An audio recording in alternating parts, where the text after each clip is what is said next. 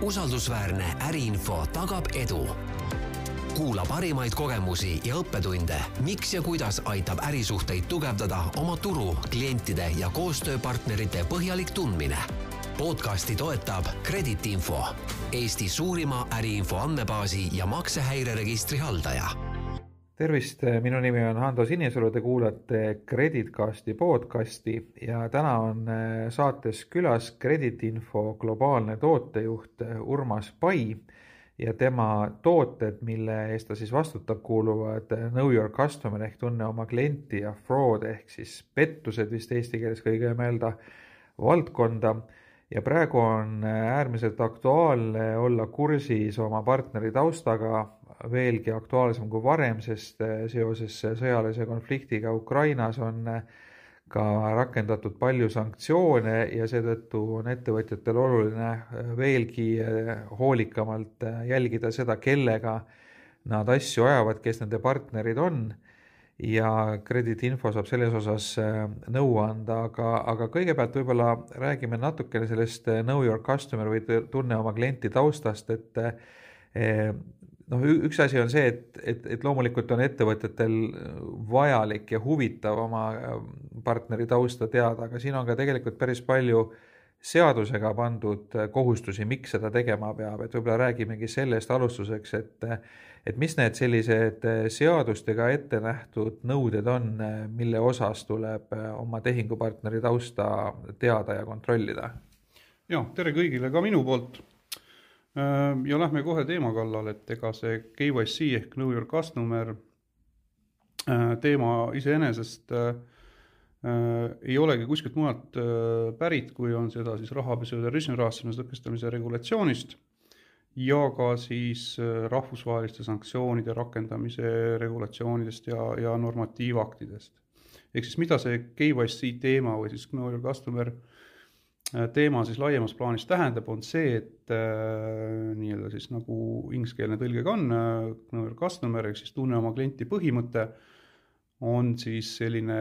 partneri või ka kliendi siis taustaandmete kontroll, et siis äh, välistada võimalikke siis riskisituatsioone, mis võivad tekkida siis teil kas teenuse osutamisel või siis ka näiteks äh, ärisuhtes mingi, mingisuguse äripartnerluse korral et mis need riskid on, on ju, et need riskid on äh, eelkõige mainerisk, et äh, kui te võtate endale teadmatusest kliendiks mingisuguse ettevõtte, kelle, kelle taust ei ole kõige puhtam, äh, kes võivad olla seotud mingisuguste illegaalsete tegevustega, nende rahastuses või ütleme, nende kapitalis võib olla või ka nendes tehingutes võivad olla siis äh,, olla seosed siis äh, või selles tehingutes võib olla siis kasutatud siis äh, ebaseaduslikult teel saadud vara äh,, ehk siis äh, sellise riski vältimiseks tuleks teada oma klienti, tuleks teada seda, kust ta siis oma äh, vara on saanud, äh, kas see kõik on läbipaistev, kas see kõik informatsioon, mida enda kohta usutab, mida ta enda kohta esitab, on usutav. Ja, ja kas siis sellise partneriga me soovime tegelikult tehingut teha või mitte, et ehk siis kas me soovime äh, võtta seda riski, et, et äh, kui me oma äh, partneri tausta ei kontrolli, et võib selguda see, et ta on seotud mingite kuritegelike äh, skeemidega ja siis tänu sellele, et meie siis oleme temaga ärisuhtes, võime ka siis meie sellisesse skeemi sattuda, et noh, ka teadmatusest, kuid igal juhul on see risk meile kui, kui mainele, et et hiljem, kui siis näiteks on juba mingisugune kriminaaluurimine, et siis ka meie ettevõte võib siin pihta saada sellega, et et äh, võite olla siis ära kasutatud mingis kuritegelikus skeemis äh, ja saab teie maine kannatada, et, et, et selline on nagu nii-öelda siis see mainerisk. Äh, üheks teiseks riskiks ja see tuleneb rohkem nii-öelda siis seadusega pandud kohustusest, on nii-öelda nende kohustatud isikute tegevus, mida nad siis teevad siis rahapesu terrorismi rahast tõkestamise seadusandluse alusel, on siis piisavalt äh, kvaliteetsed äh, andmed äh, selleks, et kontrollida siis oma klientide tausta. no selline kohustus tuleneb jah, rahapesu tõkestamise regulatsioonist ja me peame siis kohustatud isikuna või ütleme, meie kliendid peavad siis kohustatud isikutena teadma, kellega nad neid tehinguid teevad, peavad teadma seda siis, milline on selle isiku riskiprofiil ja siis selle väljaselgitamiseks on vaja siis kvaliteetseid taustaandmeid no näiteks ütleme, kui meil on juriidilisest isikust klient, me peame teadma, kes on seal tema osanikud, tema esindajad, noh näiteks juhatuse liikmed äh, ja ka tegelikult kasusaajad, et see on selline nii-öelda äh, standardkohustus kõikidele, kõikidele kohustatud isikutele siis nagu neid andmeid teada, määratleda nende teadmiste alusel riskiprofiil ja sellele siis vastavalt plaanida riski maandavad tegevused oma ettevõttes. kolmandaks oluliseks, mis ma siin välja toon, on sanktsioonide rakendamine. sanktsioonide rakendamine teatavasti praegu on väga aktiivne teema. me räägime väga lähedal asuvast naabrist ja naabritest, kes on siis ka meie ettevõtlusega seotud läbi erinevate impordi, ekspordi ärisuhete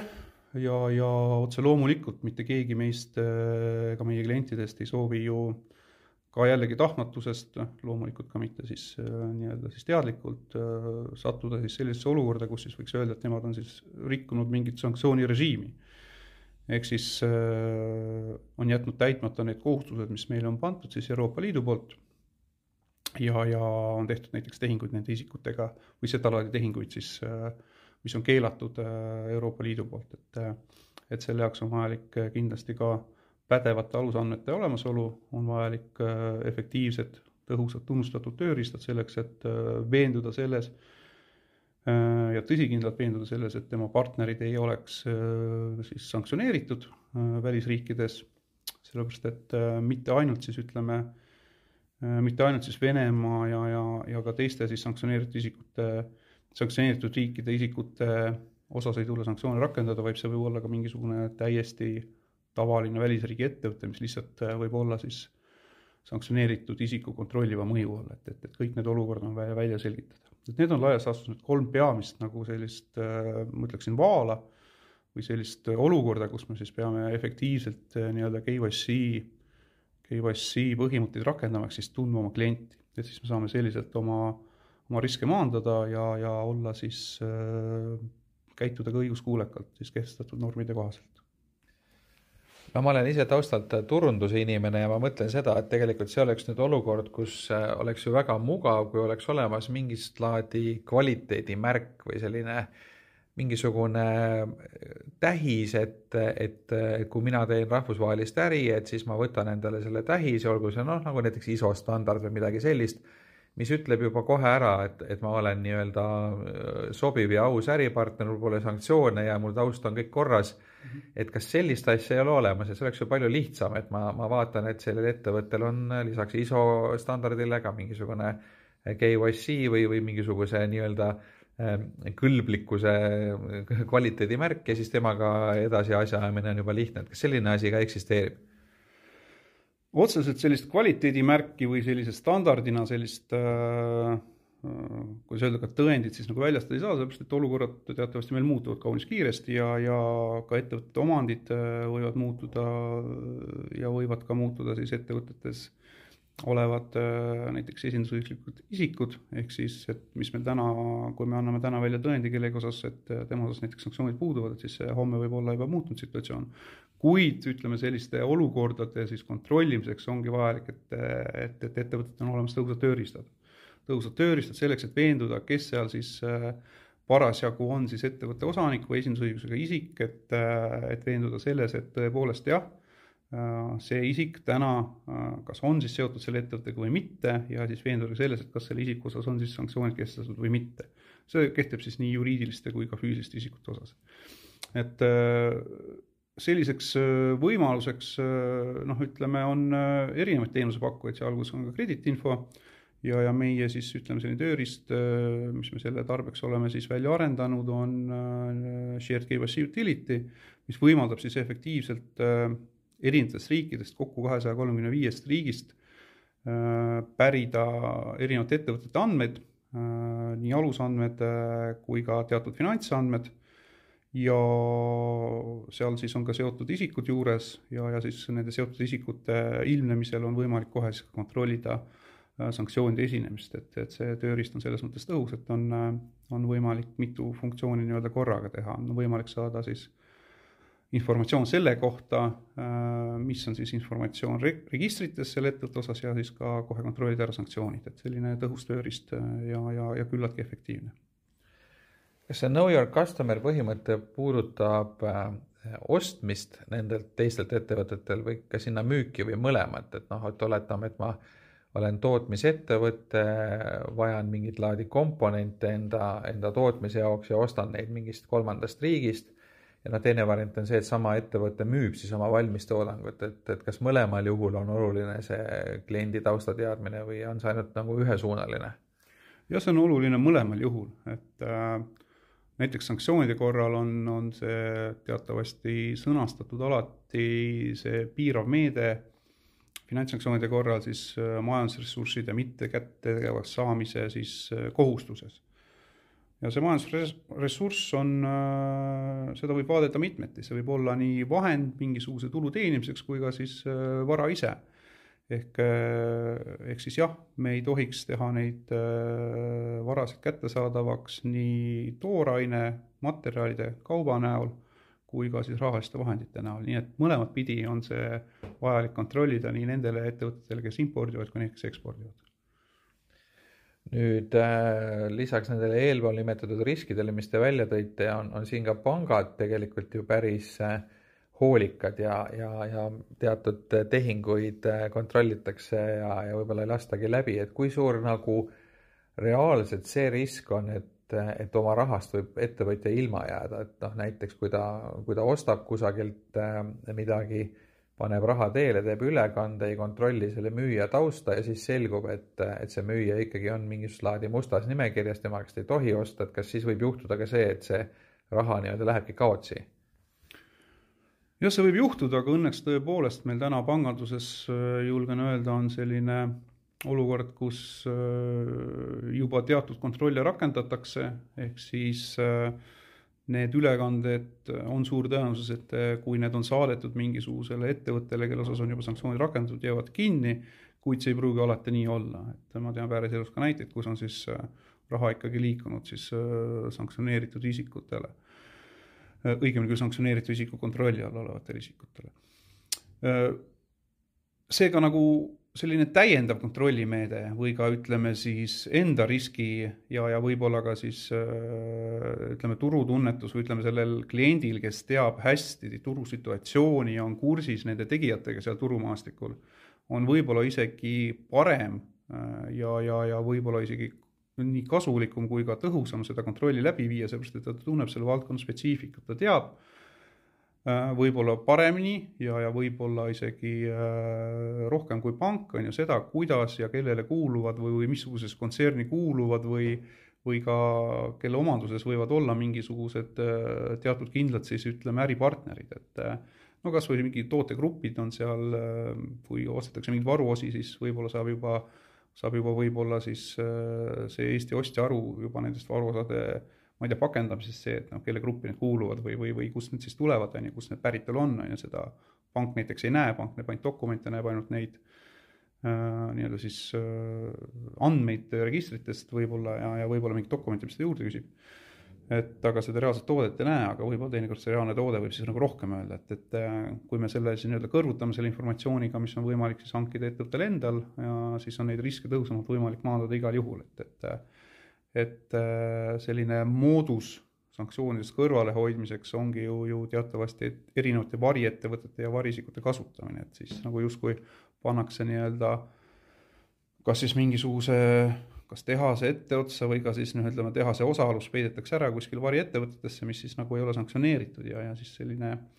selline äri saab jätkuda ja, ja siis on väga oluline seda, seda, seda tuvastada või, või olla teadlik sellest, et selline risk on olemas, et, et see nii-öelda majandusressurss on ikkagi, ikkagi siis kättesaadavaks tehtud sellele sanktsioneeritud isikule ja see on siis nii-öelda risk ikkagi sellise sanktsioonirežiimi rikkumiseks no praegu on äh, Venemaale rakendatud sanktsioonid äh, väga aktuaalsed ja, ja tegelikult on ju päris palju riike, mis täna on äh, nii-öelda endise Nõukogude Liidu osad, Venemaa mõju seal täna on suur, aga mis otseselt ei, ei kuulu täna sanktsioneeritud riikide hulka, et ma toon lihtsalt ühe näite, tahtmata nagu kuidagi halvustada seda riiki, aga lihtsalt nagu selguse huvides võtame näiteks, ma ei tea, Kõrgõzstani kui ühe riigi. olen seal ise käinud, enam-vähem kujutan ette, mis seal toimub. Et nüüd, kui, kui Venemaaga äri aja ei tohi, äri ajada ei tohi, Kõrgõzstaniga tohib ja ma nüüd asuksin mingi Kõrgõzstani ettevõtte tausta kontrollima teie abiga, siis esimene küsimus on see, et, et kui usaldusväärsed sellise riigi äh, ametlikud andmebaasid üldse on, et et noh, arvestades sealset korruptsioonitaset ja, ja, ja võib-olla ka infotehnoloogia taset, noh, ma juba ette eeldan, et ilmselt see registritest pärinev info ei pruugi olla väga usaldusväärne, et kuidas nüüd sellises olukorras saavutada seda, et ikkagi sellises kauges ja, ja võib-olla natukene äh, Ehm, noh, ütleme mit, mitte niivõrd korralikult organiseeritud liigis, kuidas on võimalik sealt seda adekvaatset infot üldse kätte saada? ja see on väga hea küsimus. Ehm, siin ütleme meie jaoks ja meie kliendi jaoks on oluline teadmine, et meie kasutame siis ehm, ühe sellise oma partneri andmestiku, kes on reaalselt neid andmeid siis ka nii-öelda koha peal kogumas, et lihtsalt ei äh, Äh, ei piirduta sellega, et tuginetakse mingisugusele siis avalikule informatsioonile, mis on kuskilt registrites kättesaadav, vaid seda siis ka verifitseeritakse, ehk siis kohapeal on inimene olemas äh,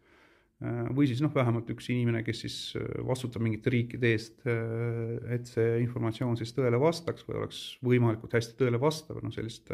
riski, riski nullini maandada, et, et mingi viga võib kuskil olla, seda teatavasti võimalik noh, alati teha ei ole. Aga jah, ütleme selle riski maandamise kõige efektiivsem äh, meetod on niimoodi, et äh, kasutada andmeid, mida siis ka tegelikkuses kontrollitakse ja siis äh, reaalse inimese poolt, mida me saame siis nii-öelda usaldusväärsetena käsitleda, et need on kontrollitud ja me saame nende edasimüümisel siis nii-öelda siis sirge seljaga, sirge seljaga kliendi poole pöörduda ja öelda, et jah, et meie hinnangul need andmed on kõige paremad, mis on nagu saadaolevad. Väga suurte tehingute puhul, näiteks kas või ettevõtte ostu-müügi puhul näiteks või, või siis ka väga suurte müügi- ja ostutehingute puhul või võib-olla tahaks lisakindlust saada sellega, et teha nagu sellist äh, spetsiaalset äh, taustakontrolli, et mitte, mitte piirduda siis ähm, sellega, mis nendes registrites on, vaid, vaid noh, piltlikult öeldes palgata detektiivi, kes uuriks äh, rohkem seda tausta, et kas selline teenus on ka olemas, et, et kui, kui võtta sihikule nagu mingi üks konkreetne ettevõte ühes riigis ja paluda tema kohta nagu noh, rätsepatööna koguda infot, et, et kas selline teenus on olemas ja, ja mida see endaga kaasa toob. Jah, see on nüüd natukene selline erijuhtum, krediidiinfol kindlasti on siin äh, teatuid äh, võimalusi pakkuda kliendile, kellel selline soov on, äh, kuid see on jah, siis sellise juba igakordse läbirääkimise küsimus, kuid jah, absoluutselt, meil on kindlasti pakkuda rohkem informatsiooni kui ainult siis nii-öelda siis KYC Mm, andmeset või ütleme siis andmed, üldandmed siis selle ettevõtte osas, et äh, nii finantsandmed kui ka näiteks äh, teatud maksekäitumise andmed on meil võimalik saada, äh, tegevusalad ja kõik sellised võib-olla teatud andmed ka minevikust, kes seal siis varasemalt on olnud esindajad või osanikud selle ettevõtte osas, et ka sellised, ütleme,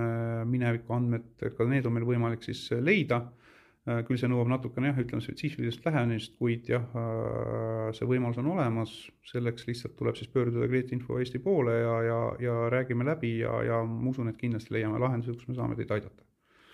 no see oli selline võib-olla eksootilisem erijuhtum, aga kui nüüd vaadata teie igapäevatööd, sellist äh, tavalist praktikat, et mis need põhilised päringud on, et mis riikidega, mis riikides neid päringuid tehakse ja mis selline kõige sellisem nõutum teenus täna on? kõige nõutum teenus täna on ikkagi sanktsioonide kontroll. meie Shared KYC Utility võimaldab siis äh, sanktsioonide kontrolli siis ametlikest, no ametlikest äh, Euroopa Liidu siis nimekirjadest äh, ja ka, ja ka ÜRO nimekirjadest, kuid lisaks, mis siis meie tugevaks eeliseks on siin Eesti turul, on see, et meie nii-öelda siis watchlist'ide Äh, kontroll võimaldab siis ka OFAC-i ja, ja näiteks Suurbritannia sanktsioonide ja mitmete teiste, mitmete teiste riiklike, riiklike sanktsioonide kontrolli, siseriiklike sanktsioonide kontrolli. mida siis ei saa teinekord või mida ei ole mugav siis kasutada sellistel noh, väiksematel, väiksematel klientidel, kes peaksid siis neid ise lihtsalt kuskilt otsima hakkama siis vastavate asutuste kodulehtedelt. et meil on selline teenus, mis need kõik kokku kogub, on lihtne otsida neid mm, ühest allikast ja, ja me saame seda siis pakkuda sellise võimekusena äh, turuosalistele. ja lisaks on veel äh, PEP-id ehk, ehk siis äh, poliitiliselt äh, siis äh, poliitilise taustaga isikud, riikliku taustaga isikud, kelle osas ka siis mitmed kohustatud isikud teostavad kontrolli, kuna ka neid allikaid Eestis peaks ütlema, et pigem on vähe. ja meil on päris hea, päris hea katusega andmebaas, kus me saame seda teenust pakkuda ja, ja siis seda kindlustunnet luua, et, et see klient, kellega äh, kohustatud isik tehingusse läheb või ärisuhte loob, et äh, tema siis äh, nii-öelda siis PEP staatus on korrektselt määratletud ja riskid on, on, on siis õigesti hinnatud ja, ja vastavad meetmed kasutusele võetud, et äh, see on kindlasti meie eelis. Ehk siis nagu öeldud, kõige rohkem siis on sanktsioonide kontroll, siis võib-olla järgmiseks on PEP-id ja, ja kolmandaks on nii-öelda siis need watchlist'id on ju, kus siis on need teised siseriik-, siseriiklikud sanktsioonid. ja peale seda siis tulevad juba sellised juriidiliste isikute Äh, taustaandmete kontrollid seal äh, ja pigem ma julgen öelda, et isegi rohkem kasutatakse, kasutatakse ka eksootilisemaid riike natukene meie jaoks, et no näiteks siin äh, ühe näitena võiks tuua näiteks Albaania või ka miks mitte näiteks Bosnia-Hertsegoviina, et kui on vajalik sellistest riikidest taustandmeid saada, siis krediidiinfol on see võimekus olemas ja, ja see meie KYC utility seda hästi võimaldab, et et sellised, sellised kasutusjuhud nagu võiksin välja tuua küll. kas tehingu suurus või maht on ka oluline, et, et kust maalt alates, mis, mis see tehingu rahaline väärtus peaks olema, kus sellele eraldi tähelepanu pöörata, et kas sellised mingisugused mõnesaja eurosed või, või, või ka mõne, mõne tuhande eurosed tehingud ka kuuluvad sinna alla või on see piir kusagil kõrgemal? no see oleneb sellest, et kas meil on tegemist äh, näiteks rahapesu äh, seaduse kohaselt kohustatud isikuga või mitte, nii et et kui meil ei ole tegemist kohustatud isikuga, siis tema peab jälgima nii-öelda oma suuri sularahatehinguid, et kui tema teeb oma äri sellisel moel, et on äh, siis nõus aktsepteerima või maksma suurel, suurel summal sularaha, suur summa on siis kümme tuhat eurot, et siis temal tuleb see kohustus äh, rahapesu ja terrorismi rahastamise seaduses äh, sätestatud hoolsusmeetmeid kohaldada. Ja jällegi, et äh, ega neid äh, häid vahendeid, töövahendeid turul äh, liiga palju ei ole, et soovitan pöörduda jälle krediitinfo poole, saame kindlasti aidata ja, ja ei pea ära jätma siis karistuse hirmus neid suuri sularahatehinguid, vaid lihtsalt läbi mõelda see seaduse nõuete täitmise pool ja siin me saame kindlasti abiks olla. mis nüüd puudutab kohustatud isikuid, kellel on siis äh, kohustus hooldusmeetmet rakendada siis äh, summa suurusest hoolimata, näiteks ärisuhte loomisel, äh, noh, siis nemad on juba pigem rohkem teadlikud sellest, et mida ja, ja, ja kuidas ja kui palju neil vaja on, et ka siin kindlasti saame abiks olla, kui on vajalik mingisugused täiendavad operatsioonid siis kohustatud isikul riskide tõhus, riskide tuvastamiseks ja, ja tõhusaks maandamiseks. Äh, kuid seal nii-öelda siis sellist summalist piirmäära välja tuua, tuua ei saaks, et noh, näiteks terrorismi rahastamine absoluutselt äh, võib olla ka paarisaja euro kaupa, et see ei ole selline äh, summast, summast sõltuv, summast sõltuv tegevus. no ma toon praktilise näite, et need igasugused tööampsu platvormid näiteks, mille kaudu on võimalik maailma eri nurkadest osta mingeid teenuseid, et oletame, et ma olen leidnud sealtkaudu mingisuguse, ma ei tea, disainibüroo Pakistanis ja, ja ta osutab mulle, ma ei tea, ütleme mõne tuhande euro väärtuses teenust odavamalt, kui, kui siin turul saada on ja, ja noh, see on üsna levinud või siis mingisugune äh, IT-alane abi Valgevenest äh,, mis on ka levinud äh,. võib-olla ka see maht on, on võib-olla mõni, mõni tuhat eurot üldse kokku, mitte väga suur summa et, et selliseid igapäevaseid äh, tehinguid võib ette tulla, et, et mis sellisel juhul siis teha, et oletame, et ma olen leidnud endale sealt Valgevenest või Pakistanist ühe partneri, kes selle teenuse, mis ma soovin, mulle sobivatel tingimustel ära teeb, summa suurus on mõni tuhat eurot, ma rohkem selle firma kohta midagi ei tea, peale selle, et tal on head referentsid, et teda on soovitatud ja see on ka kõik, et mis ma nüüd tegema peaksin? no võite kindlasti äh, otsida informatsiooni, taustinformatsiooni selle ettevõtte kohta oma käes, et kas guugeldada või, või vaadata kuskil äh, siis vastava riigi registritest, kuid noh, loomulikult äh, meil on selles mõttes abi olemas, pöörduge meie poole, me saame aidata teid selle ettevõtte tausta ja taustaandmete väljaselgitamisel. Te saate veenduda selles, et tegemist on korrektse ettevõttega, et need, e-, need esindajad, kes ka siis ütleme, selles mõttes teie poole seal platvormil on pöördunud või või kes on volitanud kedagi seal platvormil teie poole pöörduma, ka tegelikult seda ettevõtet esindavad, et sellised riskid ja ja sellised äh, küsimused saavad teil siis äh, maandatud ja need küsimused saavad vastatud, et, et äh, kindlasti, et soovitan pöörduda meie poole, kui teil sellised küsimused tekivad, leiame lahenduse. No siin tekib see küsimus, et kui see tehingu maht on väike, et, et siis võib-olla see taustauuringu kulu on ebaproportsionaalselt suur, et, et kus see teie hinnangul see piir läheb, et mul ilmselt mingi saja eurose tehingu no lihtsalt suvalise näitena puhul ei ole mõtet taustauuringu teha, sest see ilmselt maksab sama palju või rohkem, kui see tehing ise väärt on, et ilmselt siin mingi mõistlikkuse piir kuskilt läheb, et, et oskate te seda äkki paika panna, et, et kus, kus see läheb? no see on nüüd jah, väga tunnetuslik, on ju, et see maine teinekord on äh, olulisema tähtsusega kui see, kui see sada eurot või ka paar tuhat eurot, mis see siis tehingust võita on, on ju äh,. aga need meie päringute hinnad jäävad äh, ikkagi alla saja euro seal äh, ka kõige kallimal juhul. Võib-olla mõni siis selline väga kiire päring, võib-olla väga eksootilisse riiki võib siis äh, teatud juhtudel seda ka ületada, aga, aga enamjaolt on nad kõik ikkagi alla saja euro. Ja, ja mina küll soovitan igaks juhuks oma riskide maandamiseks, et kui vähegi on selline kahtlus nii-öelda investeering teha, äh, veenduda selles, et see mingisuguseid jamasid teile ei põhjusta, et äh, no kas või sellist jama, et isegi kui maineriskiga me ei, maineriski osas meil küsimusi ei ole, et siis võib-olla on küsimus sellest, et, äh, et me lihtsalt satume mingi kelmide otsa, kes lihtsalt meie raha lihtsalt vastu võtavad ja meile siis soovitud IT-lahendust või, või mingit käsitööd või, või mis need äh, variandid iganes on, on ju, et seda vastu ei anna, et et ka sellised riskid on, äh, on ohustamas meid siis äh, internetiruumis. ehk siis ma arvan, et mingisuguse tuhandest ülespoole jäävad, jäävad tehingud selliste kahtlaste, mitte kahtlaste, vabandust, vaid, vaid teadmatute siis ettevõtetega tasub ikkagi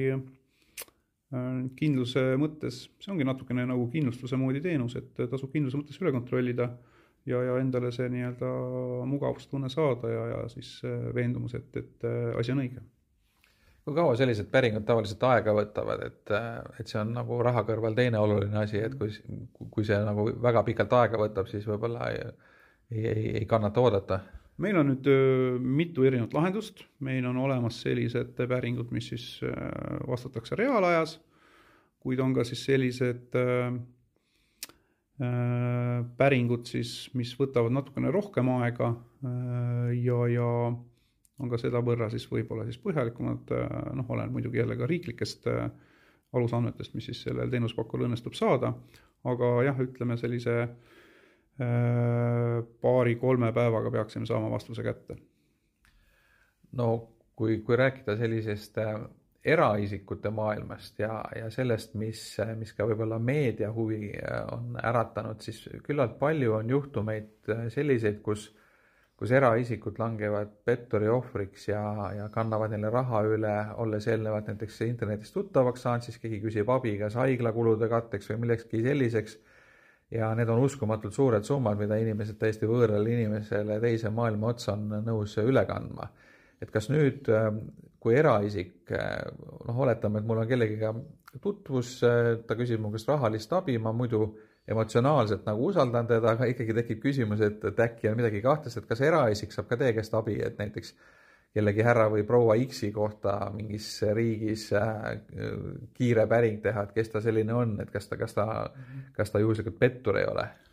no kui me nüüd äh võtame konkreetselt äh, need äh, teenused, mis meil täna on, siis nii-öelda eraisikute taustakontrolli meil otseselt teenusepaketis ei ole. Äh, ja ka no ütleme, sellised kaasused, kus meil siis on kaht-, kahtlus mingiks pettuseks, noh, nii-öelda armukelmused, et, et ka siin seda mingi pigem sanktsioonikahtlust või ka seda siis nii-öelda PEP-i kontrolli ja, ja ja ka siis watchlist'i kontrolli vaja teha ei ole, et noh, pigem sellist andmebaasi, kust kontrollida seda, kas isik, kellele raha kantakse, võib olla pettur või mitte, et seda otseselt meil ei ole, küll aga võite pöörduda kahtluse korral, me lihtsalt aitame teid niisama heast tahtest, et äh, tavaliselt soovitusega, et kui on vähegi kahtlus, et see isik ei pruugi olla see isik, kes ta väidab ennast olevat ja need äh, summad, mis te sinna saadate, ei pruugi olla kasutatud sihtotstarbeliselt, no näiteks mingite raviarvete tasutamiseks, siis me ikkagi äh, soovitame sellistest tehingutest hoiduda, et äh, lihtsalt, lihtsalt hoidame kuritegevust sellise, sellise heatahtliku tegevusega ja sellise sooviga aidata, mis tegelikult on lihtsalt kantud siis madalatest motiividest rikastuda äh, teiste inimeste siis äh, heasoovlikkuse arvelt. Üks teine näide, mis ka meediast äh, läbi on jooksnud, on, on raviarved, et kui keegi satub välismaal hätta ja peab minema näiteks mingisse erakliinikusse ravile, et noh, kui on äärmuslik, ütleme, eluohtlik juhtum, siis ilmselt ei ole aega valida, kuhu minna, aga, aga, aga väga paljudel juhtudel on võimalik valida, et millisesse raviasutusse minna minna ravile ja, ja siis võib ka juhtuda niimoodi, et see arve, mis sealt tuleb, noh, siin ühe tuntud muusiku näitel vähemalt meedias oli kirjutatud, et isegi aspiriini eest suudeti küsida sada dollarit, et mm -hmm. et täiesti absurdsed summad, et, et kas selline, näiteks erakliiniku taustakontrolli, et, et kas see kliinik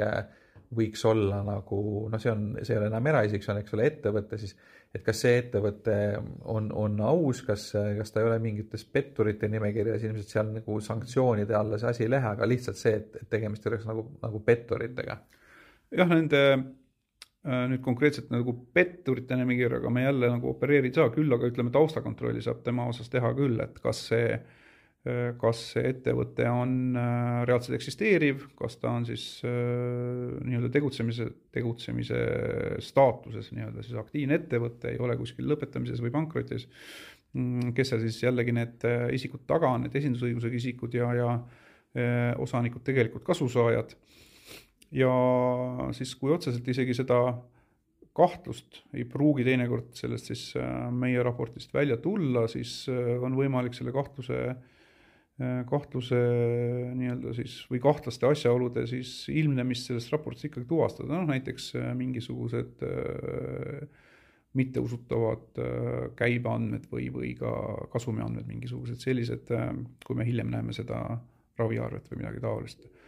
Küll aga jah, ütleme otseselt sellist pettuste list või sellist päris sellist andmekogu, kus võiks nagu öelda seda, et, et see on nüüd kahtlane erakliinik ja see nüüd ei ole kahtlane erakliinik, et sellist nagu otseselt äh, sellest raportist välja lugeda ei saa, mis meie siis pakume. aga jah, ütleme selliste täiendavate andmete põhjal, põhjal analüüsides äh, ei ole välistatud, et me sellise tulemuseni jõuame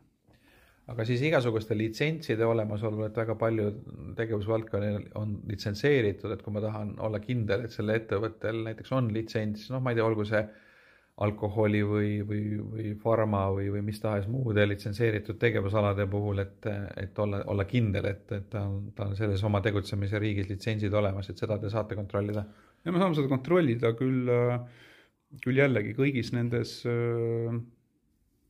algandmetes, mis me kasutame, ei pruuginud olla koheselt sisse nii-öelda integreeritud, aga me saame siis täiendavat üle kontrollida, juhul kui kellelgi peaks see vajadus tekkima mm. -hmm aga võib-olla võtaks lõpetuseks kokku need üldpõhimõtted siis, et, et kui äh, meie kuulajate seas nüüd äh, ettevõtjad tegelevad rahvusvahelise äriga, teevad pidevalt ostu-müügitehinguid, siis milline selline, ütleme, hügieen peaks olema, et nende tehingute puhul, millist laadi taustakontrolli peaks, peaks tegema, et vältida siis võimalikke kahjusid, mis, mis teie soovitused on? noh, eelkõige jah, ütleme, kui te uue partneri äh partneriga ärisuhte loomise peale mõtlete, siis oleks ikkagi mõistlik ja te eeldate, see on pikaajaline, pikaajaline partner teil, te soovite, et see ärisuhe oleks läbipaistev, et teid ei kelmitataks, et te ei satuks kuskitele mingisuguste äh, illegaalsete skeemide keskele, siis tuleks ikkagi taust korralikult ära teha sellele ettevõttele, et äh, investeerida natukene aega ja ka natukene, väga natukene vahendeid sinna äh, Äh, hiljem lihtsalt toob teile nii palju tagasi, et äh, te saate südamerahus magada ja ma arvan, et see, äh, see ei ole ka mitmesugune selline väikene, väikene saadav kasu sellest taustakontrolli tegemisest. kui teil on juba selline ettevõte, kellega te pikalt olete tööd teinud, ja, ja ütleme, päris tarneahelad on paigas ja, ja kõik on juba, inimesed omavahel suhtlevad, siis ka seal tasuks aeg-ajalt ikkagi taustakontrolli teha, sellepärast et mitte kunagi te ei tea, millal võivad olla muutunud mõned osanikud, mingid juhatuse liikmed, kes iganes need osalused võivad olla päritud või, või mingite muude vara jagamise mm, protsesside tulemusel need osalused võivad olla muutunud ja, ja, ja ei tea kunagi, kuna võib olla siis see osalus liikunud mingisugusele isikule, kes siis teie riskiisuga ei, ei kohaldu näiteks, noh, kas ta võib olla sanktsioneeritud või, või või, äh, või on ka siis näiteks kuritegeliku taustaga isik, et see kõik võib olla selline äh, halb üllatus teie jaoks, aga noh, nendeks tulebki valmis olla. ja, ja, ja see ongi siis selline informatsiooni kontrollimise võimalus, et aeg-ajalt siis natukene panustada aega ja, ja, ja äh, ja vähe, vähemal määral siis ka vahendid selleks, et saada teada seda, et, et kes siis on see isik, kellega te siis äri teete. Kas nüüd täna, kus äh, äsja on teatavaks saanud terve äh, uus äh, sanktsioonide pakett eelkõige Venemaa suhtes, kas see tähendab seda, et täna tasuks igaks juhuks see nii-öelda andmete värskendus üle teha, et, et ka need pikaajalised partnerid, kes on olemas, et, et igaks juhuks olla kindel, et, et, et nad ei, ei jääks nende uute kehtestatud sanktsioonide alla? jaa, absoluutselt, et see on, see on nüüd siis iga Eesti isiku kohustus, kes siin meie territooriumil ja õigusruumis opereerib, et tagada see, et tema ei tee siis selliseid tehinguid, mis siis võiksid olla vastuolus siis mingi sanktsioonirežiimi siis kohustusega. Kuidas siis seda teada saada, et kas see partner on siis sanktsiooni, sanktsioneeritud isik või mitte, et noh, selleks peabki olema selline võimalus, kus seda kontrollida, et ega, ega Euroopa Liit, ta võtab küll vastu selle määruse, aga selle rakendamise ja selle rakendamise kontrollimise jätab siis rahulikult äh, siis Euroopa Liidu isikute ja siis äh, vastavate siis äh, liikmesriigi siis asutuste hooleks. ehk siis isikud ise peavad siis piisava hoolsusega siis kindlaks tegema oma partnerite tausta ja veenduma selles, et nad sanktsioonirežiimi ei riku, et et, et kui teil ei ole neid tõhusaid töövahendeid, siis võib juhtuda väga, väga lihtsalt see, et et järjest lisatakse isikuid sanktsioonirežiimidesse ja mingi hetk lisatakse sinna siis mingisugune selline äh, isik, kelle siis äh, osalusel siis võib mingisugune teie äripartner teiega äri ajada, et äh, ja selle siis riski maandamiseks äh, soovitame siis hankida endale tõhusad tööriistad, et siis kontrollida neid ettevõtteid, ettevõtete taustu ja siis seal esinevate isikute siis sanktsioneeritust. nii et igal juhul siis praegu tänu sellele ärevale olukorrale on, on hädavajalik see, see värskendus ja uus kontroll ära teha meiega rääkis Kreditinfo globaalne tootejuht Urmas Pai, te kuulasite Kreditcasti podcasti, mina olen saatejuht Ando Sinisalu ja aitäh kõigile kuulajatele. usaldusväärne äriinfo tagab edu. Kuula parimaid kogemusi ja õppetunde, miks ja kuidas aitab ärisuhteid tugevdada oma turu, klientide ja koostööpartnerite põhjalik tundmine? Podcasti toetab Kreditinfo, Eesti suurima äriinfo andmebaasi ja maksehäireregistri haldaja